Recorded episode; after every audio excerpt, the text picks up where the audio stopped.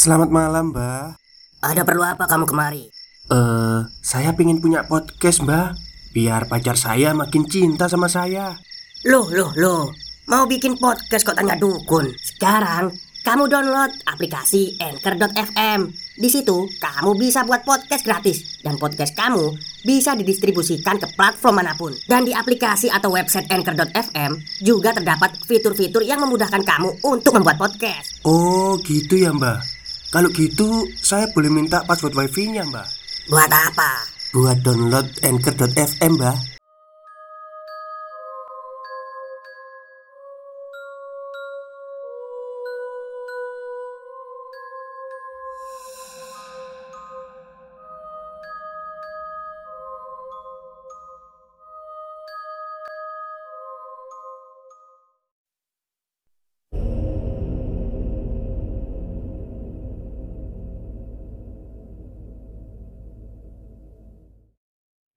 Assalamualaikum warahmatullahi wabarakatuh. Halo semuanya Jumpa lagi dengan saya Chow Sing Sing Kurator dari Podcast Horror Night Story. Halo apa kabar semuanya? Semoga kalian pada sehat semua ya. Dan seperti biasanya pada malam hari ini Saya kembali dan akan membawakan sebuah kisah mistis untuk kalian semua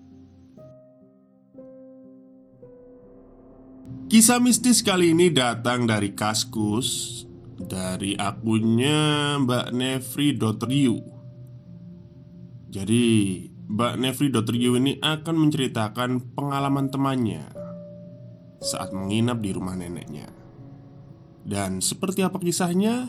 Mari kita simak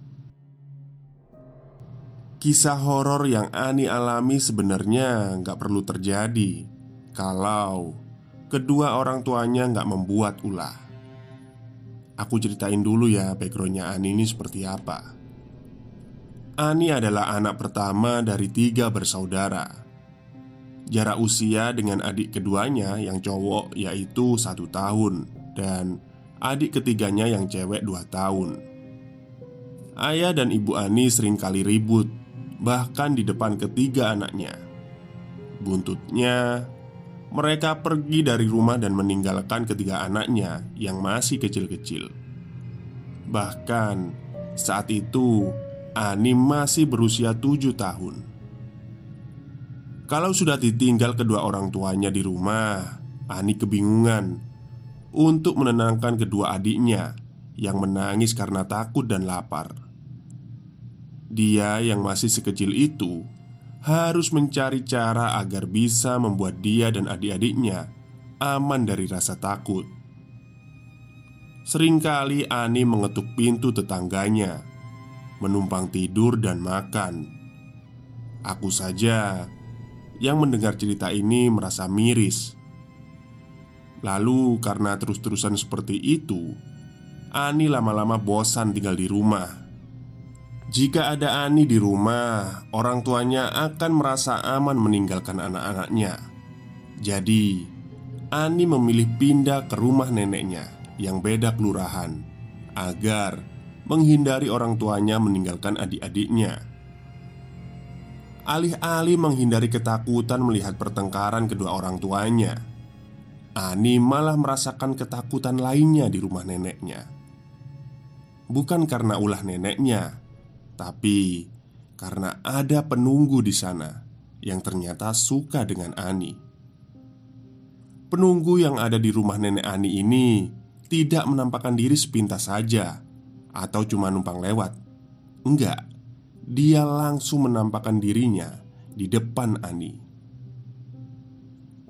Karena nggak betah tinggal di rumah bareng orang tuanya, akhirnya Ani nekat untuk tinggal di rumah neneknya bukan satu atau dua hari saja, tapi dari dia sekolah dasar sampai kuliah. Di rumah neneknya emang sering banget ada saudara sepupunya yang datang dan sering nginep. Dan karena dia masih anak-anak, kadang suka lupa dengan wajah-wajah sepupunya yang jarang ditemui. Saat itu, Ani masih usia tujuh tahun. Ani tidur di kamar tengah karena kamar itu sudah lama gak ditinggalin. Sedangkan neneknya tidur di kamar depan karena emang akan lama tinggal di rumah neneknya. Orang tua Ani akhirnya memindahkan baju, sepatu, mainan, dan keperluan sehari-hari Ani ke rumah neneknya. Sang nenek juga tinggal sendirian karena sudah ditinggal wafat oleh kakek, dan anak-anaknya juga sudah menikah semua.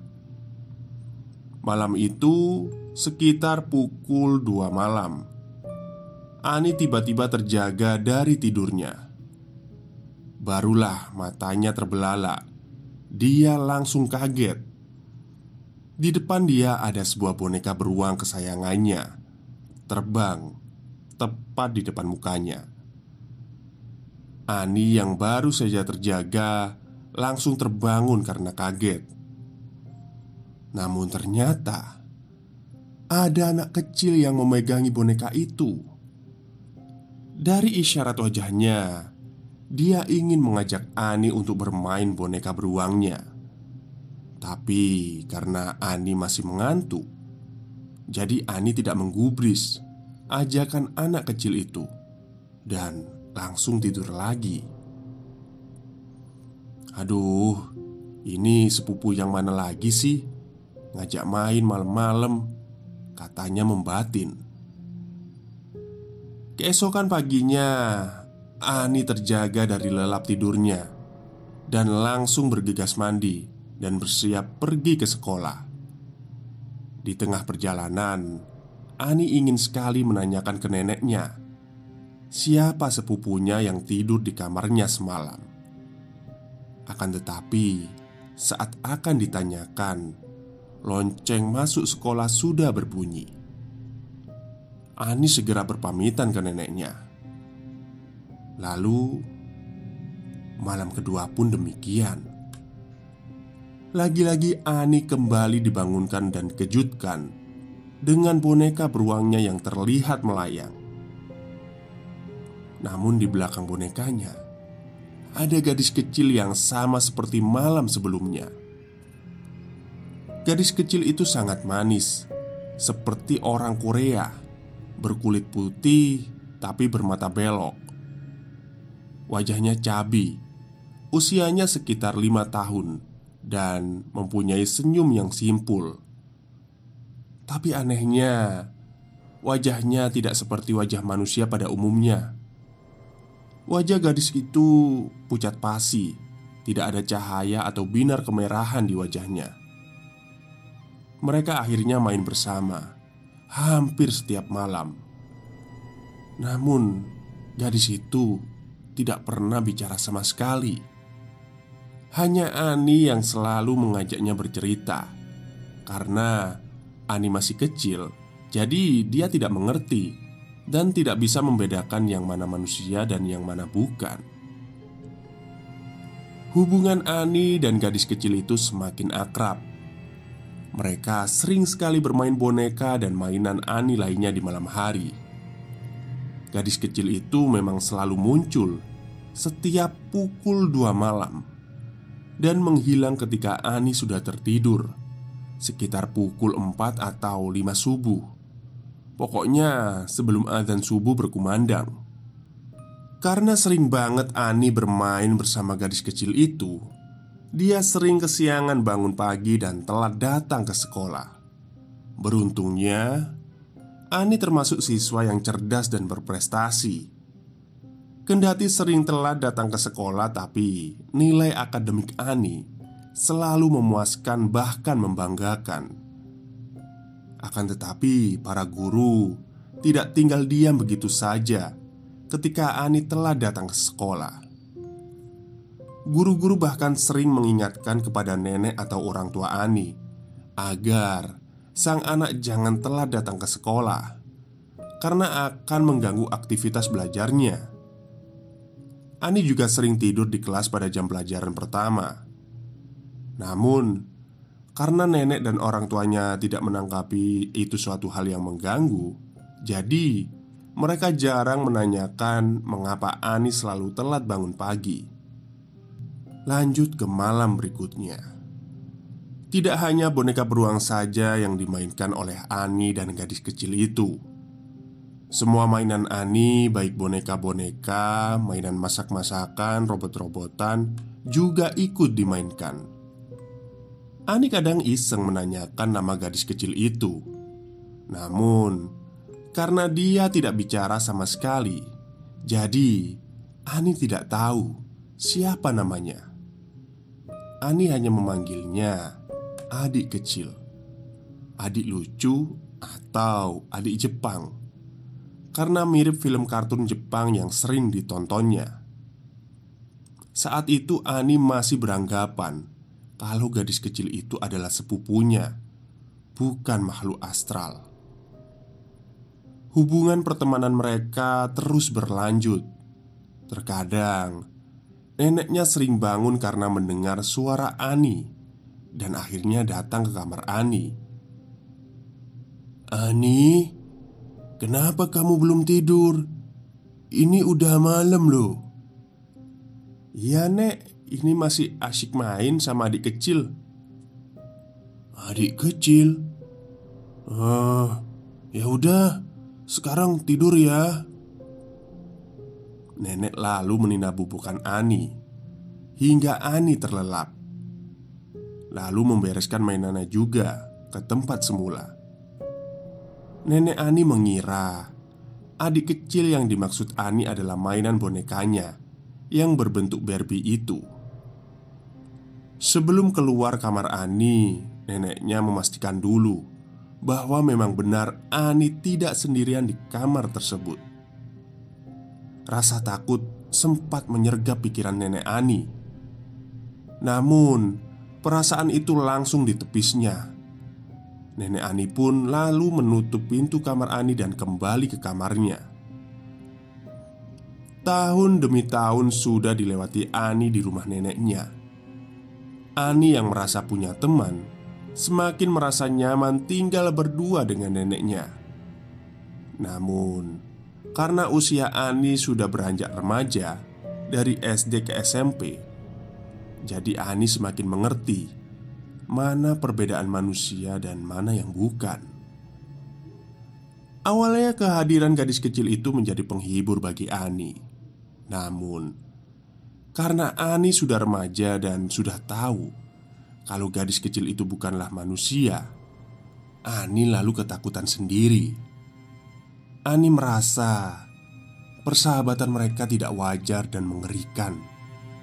Ani juga tidak mau menceritakan semuanya ke nenek ataupun orang tuanya.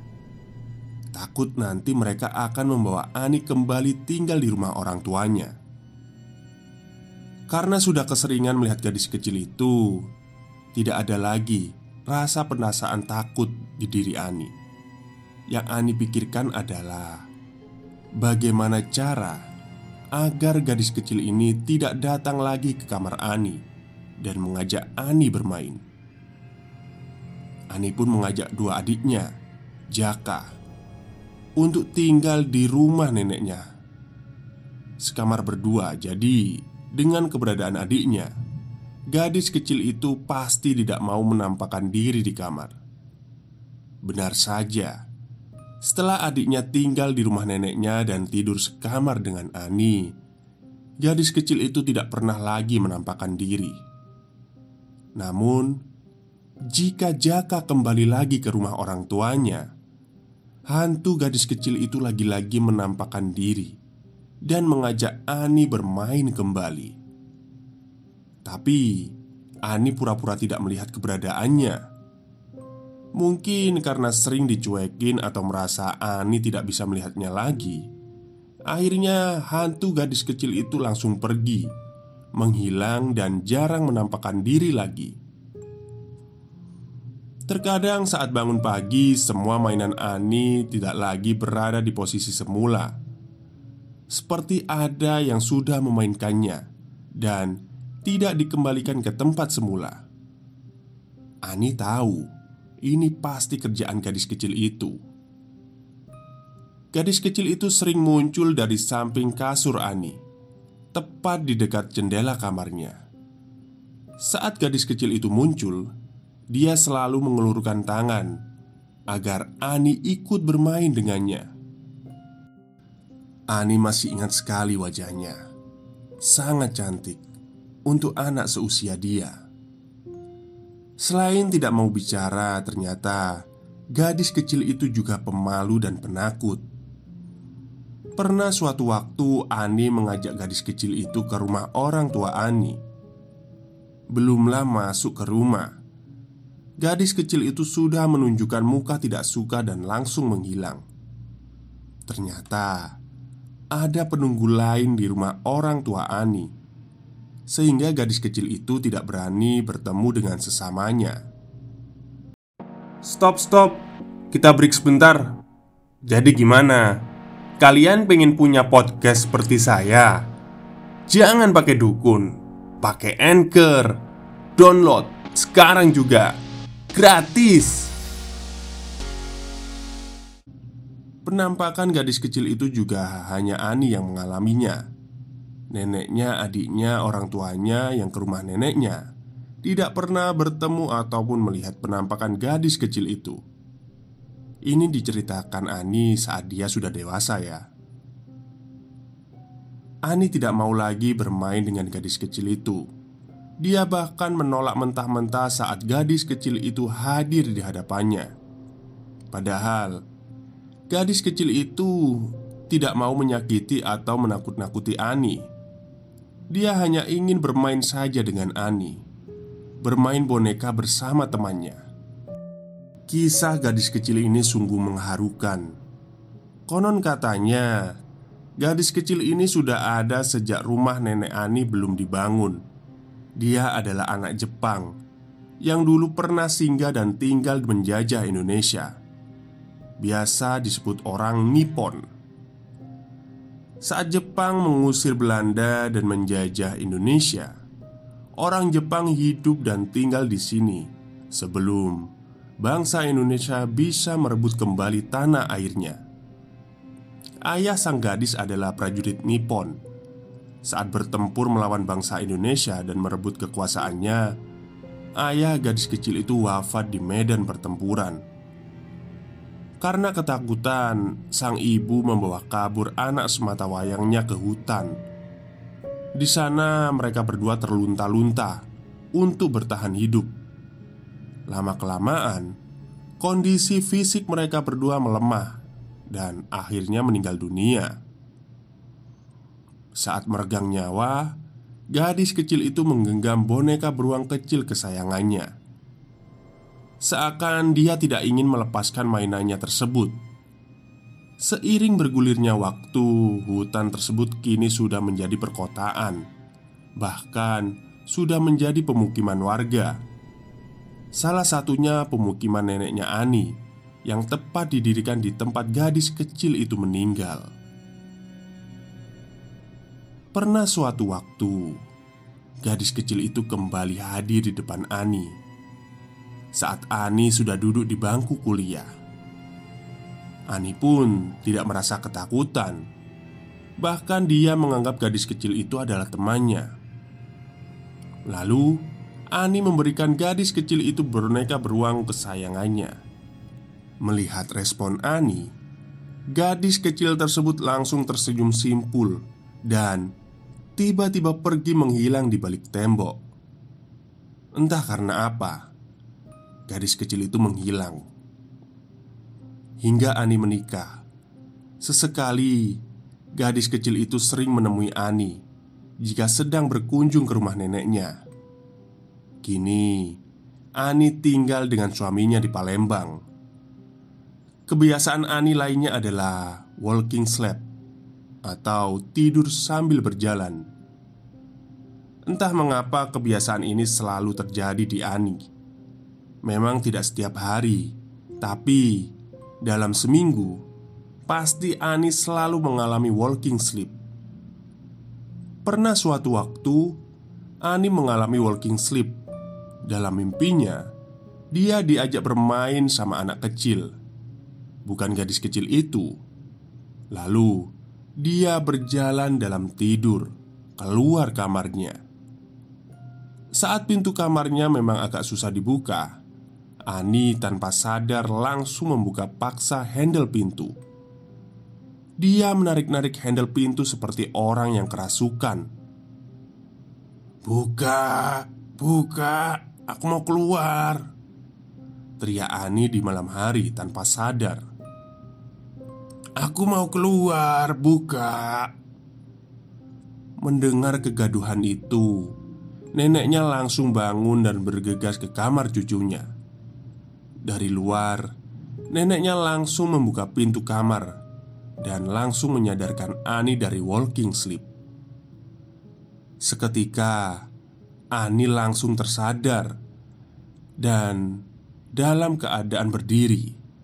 Dia sendiri bingung kenapa dia sudah berada di depan pintu sambil berdiri. "Kamu kenapa nih? Kamu tidur sambil berjalan lagi?" Aduh, gak ngerti juga saya nek. Tiba-tiba di depan pintu aja. Kamu teriak-teriak Minta dibukain pintu. Emang kamu mimpi apa tadi? Uh, tadi aku mimpi Ani tidak melanjutkan ceritanya Karena dia tidak ingin membuat neneknya takut. Uh, Mimpi main aja sih nek. Hehe. Ya udah ke kamar mandi dulu aja. Nenek temenin Cuci muka terus sholat subuh. Kamu pasti belum sholat kan? Iya nek.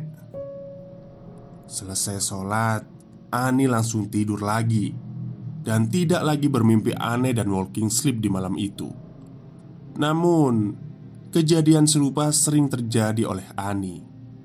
Walking sleep yang dialaminya Kerap kali berbarungan dengan mimpi aneh seperti sedang diajak bermain oleh seseorang. Cerita gadis kecil teman bermain Ani, kebiasaan walking sleep yang dibarengi dengan mimpi aneh dan lainnya. Ternyata menjadi rangkaian kisah horor di hidupnya Ani. Bahkan sebelum dia berusia satu tahun, Ani ternyata sudah mempunyai teman bermain juga di rumah neneknya teman tak kasat mata, teman yang selalu suka dekat dengan Ani. Bahkan waktu Ani belum bisa bicara lancar, mamanya pun bercerita tentang kisah aneh yang pernah terjadi dengan Ani waktu kecil. Pernah waktu itu, saat Ani masih tinggal di rumah nenek, atau orang tuanya ya, masih tinggal di rumah nenek saat itu di rumah neneknya cuma ada Mama Ani dan Ani yang kecil Yang masih berusia kurang lebih satu tahun. Karena Mama Ani mau mencuci baju Jadi Ani diletakkan di ruang tengah Di box anak. Bukannya menangis Ani malah senang Bermain sendiri dengan mainannya. Bahkan Ani bermain sambil ketawa Dan seperti mengobrol dengan seseorang. Setelah pekerjaan selesai, Mama Ani lalu mendengar percakapan Ani yang masih bicara cadel dengan seseorang. Karena Mama Ani tahu di rumah tidak ada siapa-siapa, jadi mamanya segera ke ruang tengah untuk memastikan siapa yang sedang bermain dengan anaknya. Namun, saat dilihat, tidak ada siapa-siapa. Hanya Ani sendirian yang masih asyik bermain. Kejadian seperti ini sering berulang dan membuat Mama Ani merasa ketakutan dengan kondisi anaknya. Lalu Ani dibawa ke rumah Kiai di dekat rumahnya neneknya.